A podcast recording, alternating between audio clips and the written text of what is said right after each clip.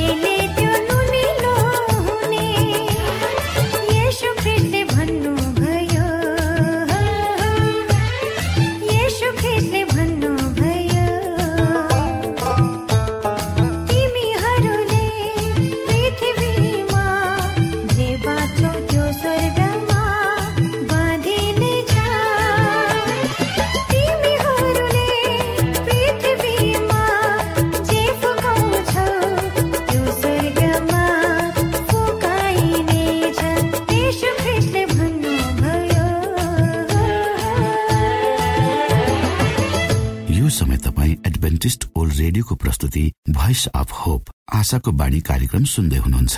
श्रोता मित्र यो समय हामी पास्टर उमेश पोखरेलबाट आजको बाइबल सन्देश सुन्नेछौ। श्रोता साथी न्यानो अभिवादन साथ म तपाईँहरूको आफ्नै आफन्त अभिन्न मित्र दाजु भन्नुहोस् मलाई भाइ भन्नुहोस् नाति छोरो जे भने पनि हुन्छ श्रोता।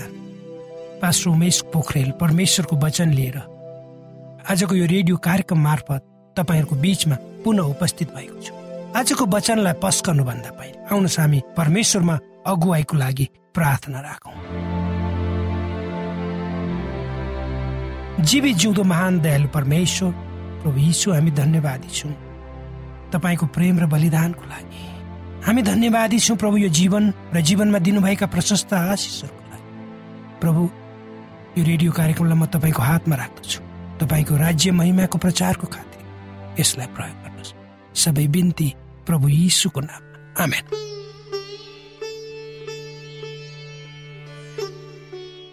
श्रोता साथी आजको प्रस्तुतिमा म परमेश्वर र मानिसको समृद्धि वा प्रगतिको विषयलाई लिएर परमेश्वरको वचन पस्कन गइरहेको छु। भनिन्छ श्रोता सम्पन्नताले परमेश्वरमाथिको भरलाई नष्ट गर्ने भयानक प्रवृत्ति मानिसमा ल्याउन सक्छ ल्याउँछ। यो सबभन्दा ठुलो सैद्धान्तिक पासो हुन सक्छ। यदि सम्पन्नताले जो मानिसको परमेश्वरप्रतिको भर छ त्यसलाई नष्ट गर्यो भने र जो मान्छे यो सैद्धान्तिक पासोमा पर्छ उसले परमेश्वर चाहिँदैन र ऊ अर्थात् मानिस आफू आफैमा आफ्नो जीवन र त्यसका सम्पूर्ण पक्षहरूलाई व्यवस्थित गर्न र आफ्नो जीवनको लक्ष्य हासिल गर्न सक्षम छ भन्ने भावनाद्वारा डोहोऱ्याइन्छ।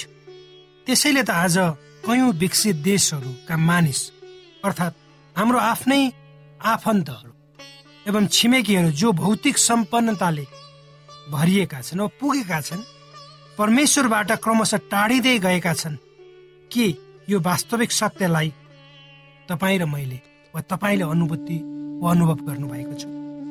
कयौँ मानिसले भनेका वा गनगनाएको सुनिन्छ ओहो मसँग यति मात्र थियो भने म व्यर्थेमा उडाउँदिन। यो यस्तो उदाहरणहरू हामी गरिबहरूको मुखबाट सुन्ने गर्छौँ। ती गरिब निमुखाहरू जसले असल काम इमान्दारी पूर्वक गर्छन् भने परमेश्वरको ठुलो आशिष तिनीहरूले प्राप्त गर्नेछन् भन्ने तिनीहरूलाई बुझाउँछु भनेर एक महिला अगाडि सर्छिन् र उनी परमेश्वरलाई प्रेम गर्छन् ती महिलाले। यद्यपि उनी गरिब छिन् र आफ्नो अभावमा पनि उनी परमेश्वरलाई दिन्छन्। जब ती महिलाले देख्छिन् उनका छिमेकी साथीभाइ नाता गोता जो समृद्ध छन् सम्पन्नताको माथलो शिखरमा पुगेका छन् तर जब परमेश्वरको विषयमा कुरा आउँछ तिनीहरूको भूमिका थोरै वा नगण्य भएको देख्छ। उनलाई दुःख लाग्छ। उनको चित्त पुडिन्छ श्रोता। तब परमेश्वरले उहाँका दूतहरूलाई यो महिलाको हेरचाह गर्नको लागि र भन्नुहुन्छ परमेश्वरले आफ्ना दूतहरूलाई मैले ती महिलालाई दरिद्रताद्वारा सताए दुःख दिए तर उनले आफूलाई मबाट कहिले पनि अलग्ग गरिनन् अर्थात् मेरो विरुद्धमा उनी कहिले पनि गएनन्। अब म उनलाई समृद्धि दिएर आशिष दिन्छु। त्यसपछि कथा यसरी बढ्छ। जे कुरा ती महिलाले छोइन् त्यो सुन्नु अब उनले के गरिन् त? उनले आफ्नो घर पुनः निर्माण गरिन्। त्यसभित्र भएका सम्पूर्ण कुराहरू पुनः सजाइन् र सबै सुख र विलासका कुराहरूले उनको घर भरियो। तब उनले परमेश्वरलाई भुलिन्। अर्थात् उनी परमेश्वरबाट टाढा भइन्।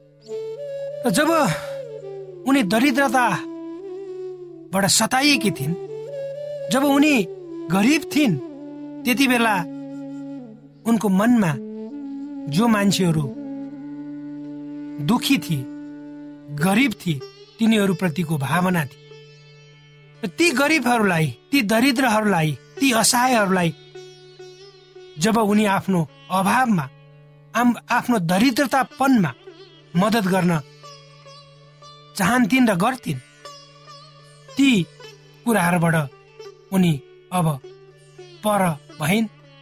जब उनीमा सम्पन्नता आयो तब उनले सबै कुरा बिर्स्यो।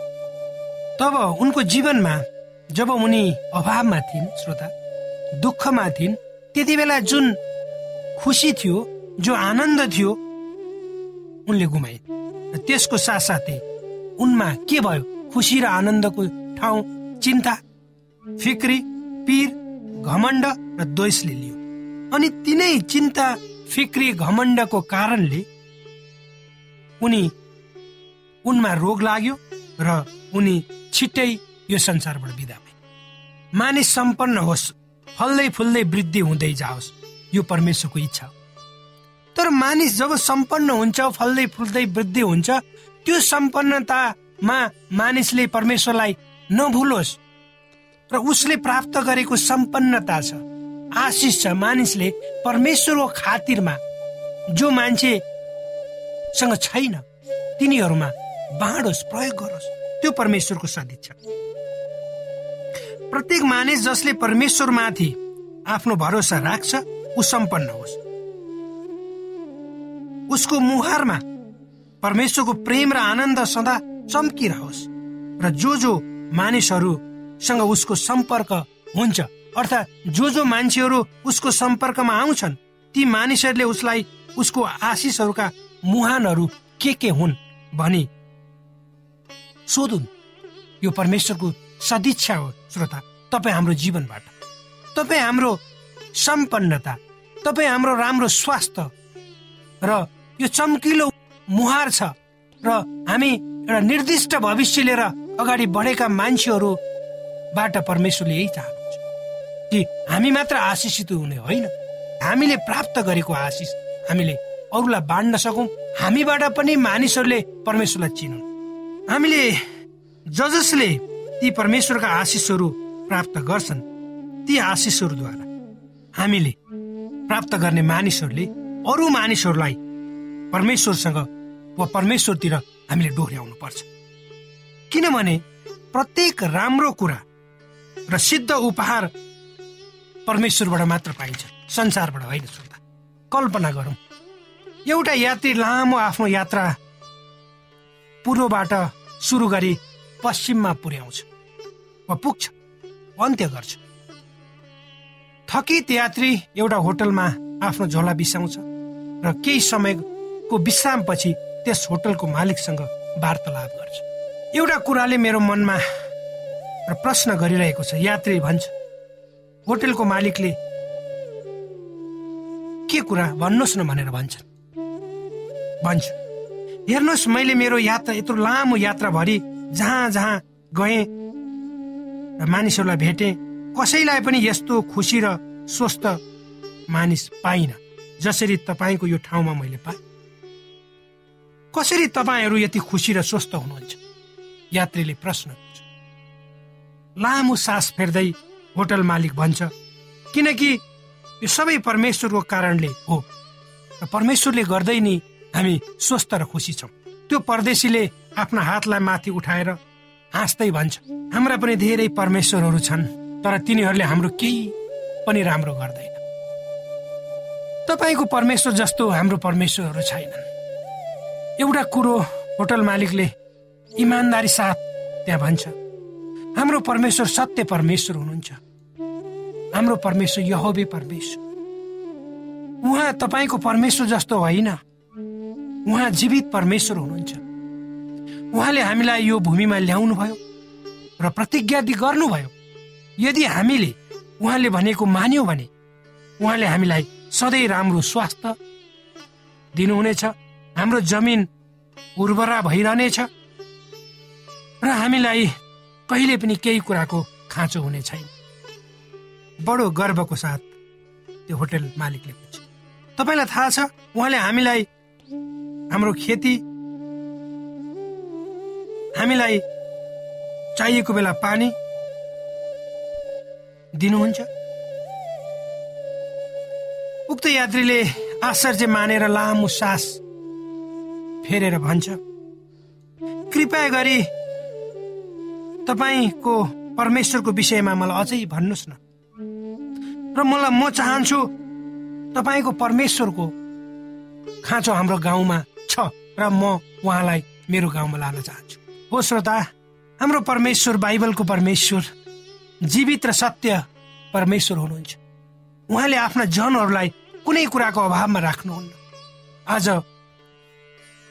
उक्त यात्री झै धेरै मानिसहरू प्रभु यीशुको बारेमा सुनेका छैनन्।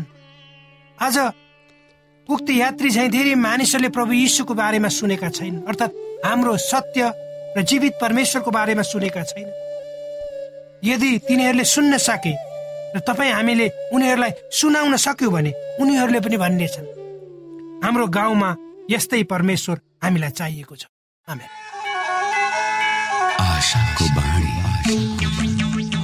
श्रोता भर्खरै यहाँले पास्टर उमेश पोखरेलबाट बाइबल वचन सुन्नुभयो। यो समय तपाईँ एडभेन्टिस्ट ओल्ड रेडियोको प्रस्तुति भोइस अफ होप आशाको बाणी कार्यक्रम सुन्दै हुनुहुन्छ। कार्यक्रम सुनेर बस्नुहुने सबै श्रोतालाई हामी हाम्रो कार्यक्रममा स्वागत गर्न चाहन्छौ। श्रोता मित्र यदि तपाईँ जीवनदेखि हरेस खानु भएको छ तपाईँका जीवनमा धेरै अनुत्तरित प्रश्नहरू छन् भने आउनुहोस् हामी तपाईँलाई परमेश्वरको ज्योतिमा डोहोऱ्याउन चाहन्छौँ। र तपाईँ आफ्नो जीवनका चिन्ता फिक्रीबाट निश्चिन्त हुनुहोस् र बाँच्नुको आनन्द परमेश्वरको सामिप्यमा कति मिठो हुन्छ त्यो चाख्नुहोस् भनी हामी चाहन्छौँ। श्रोता यदि तपाईँ आशाको बाणी कार्यक्रमलाई अनलाइन सुन्न चाहनुहुन्छ वा डाउनलोड गर्न चाहनुहुन्छ भने डब्लु डट जानुहोस्। त्यहाँ तपाईँले प्रत्येक दिनको कार्यक्रम सुन्न र डाउनलोड गर्न सक्नुहुनेछ। हाम्रो वेब पेज यस प्रकार छ डब्लु डब्लु डब्लु डट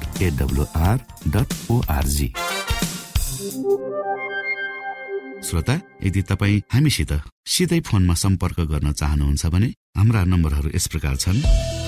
अन्ठानब्बे एकसाठी पचपन्न शून्य एक सय बिस. अन्ठानब्बे एकसाठी पचपन्न शून्य एक सय बिस. र अर्को अन्ठानब्बे अठार त्रिपन्न पन्चानब्बे पचपन्न. अन्ठानब्बे अठार त्रिपन्न पन्चानब्बे पचपन्न. श्रोत साथी न्यानो अभिवादन साथ म पास्टर उमेश पोखरेल समसामयिक जानकारी लिएर तपाईँको बिचमा उपस्थित भएको छु। आजको मेरो प्रस्तुति छ युवा अवस्थामा परिवर्तनको भूमिका।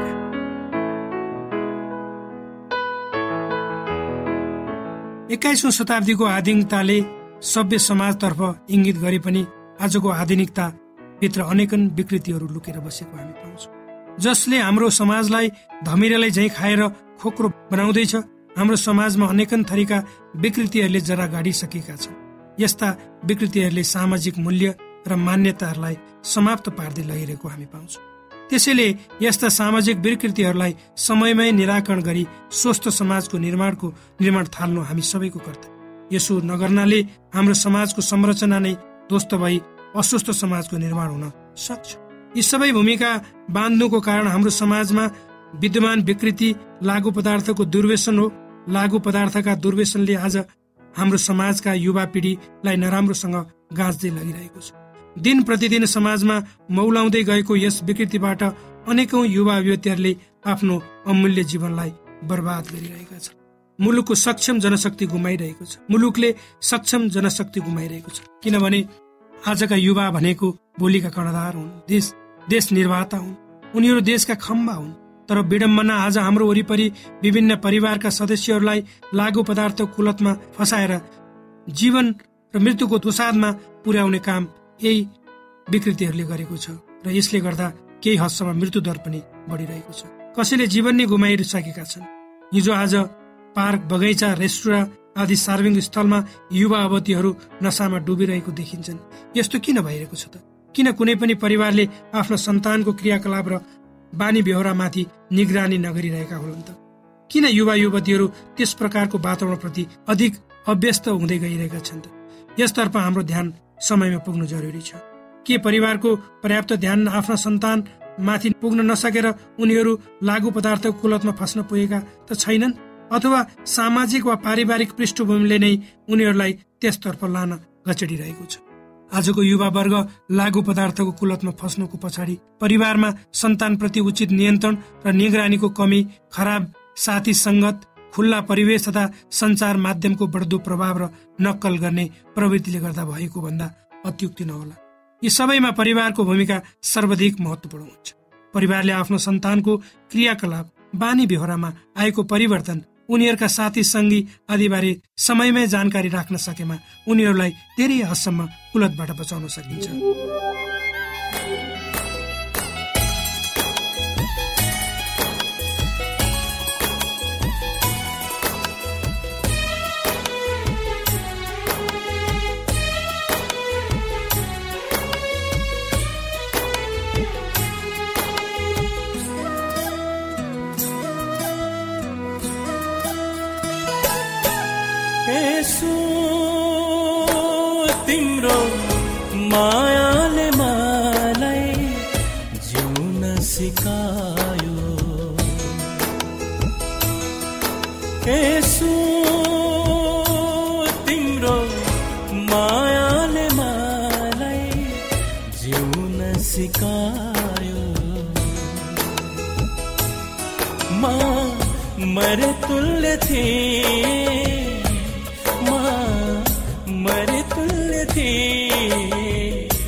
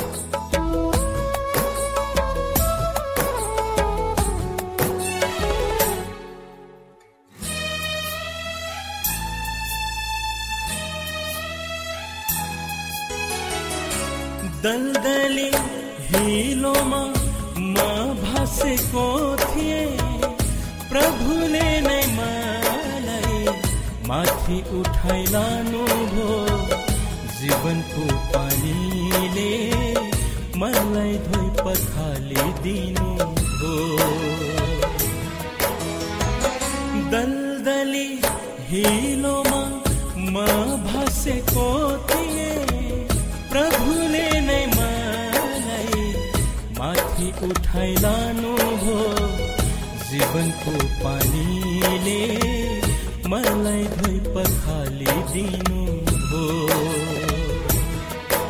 यसो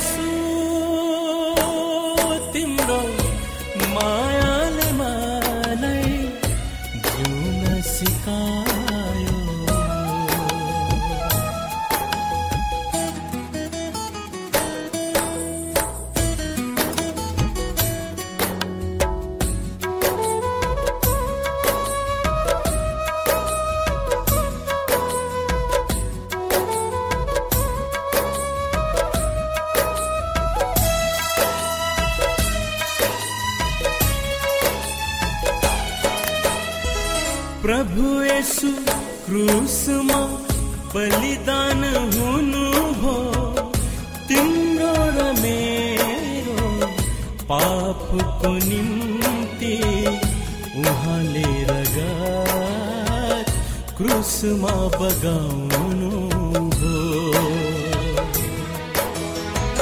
प्रभु यसु क्रुसमा बलिदान हुनु भो तिम्रो र मेरो पापको निम्ति उहाँले रगत क्रुसमा बगाउनु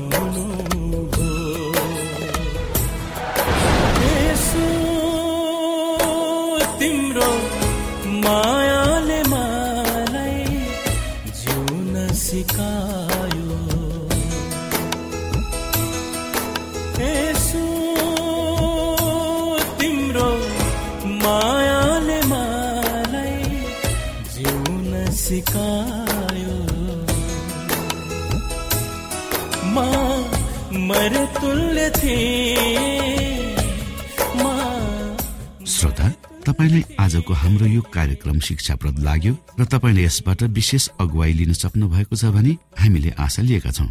हामीसँग पत्राचार गर्ने हाम्रो ठेगाना यस प्रकार छ आशाको बाणी पोस्ट बक्स नम्बर दुई शून्य शून्य शून्य दुई काठमाडौँ नेपाल। श्रोता यदि तपाईँ हाम्रो स्टुडियोको नम्बरमा सम्पर्क गर्न चाहनुहुन्छ भने हाम्रा नम्बरहरू यस प्रकार छन्। अन्ठानब्बे एकसाठी पचपन्न शून्य एक सय बिस। अन्ठानब्बे एकसाठी पचपन्न शून्य एक सय बिस र अर्को अन्ठानब्बे अठार त्रिपन्न पन्चानब्बे पचपन्न। अन्ठानब्बे अठार त्रिपन्न पन्चानब्बे पचपन्न। श्रोता तपाईँ हामीलाई इमेल पनि गर्न सक्नुहुन्छ। हाम्रो इमेल एड्रेस यस प्रकार छ Nepal at AWR dot ORG Nepal at AWR dot ORG यदि तपाईँ हामीलाई अनलाइन सुन्न चाहनुहुन्छ वा डाउनलोड गर्न चाहनुहुन्छ भने तपाईँ डब्लु डट एडब्लुआर डट ओआरजीमा जानुहोस् र त्यहाँ तपाईँले हाम्रो सबै कार्यक्रमहरू सुन्न सक्नुहुनेछ। हवस् त श्रोता भोलि फेरि यही स्टेशन र यही समयमा यहाँसँग भेट्ने आशा राख्दै प्राविधिक साथी राजेश आडा पास्टर उमेश पोखरेल र कार्यक्रम प्रस्तुता म रवि यहाँसँग विदा माग्दछौ। नमस्कार।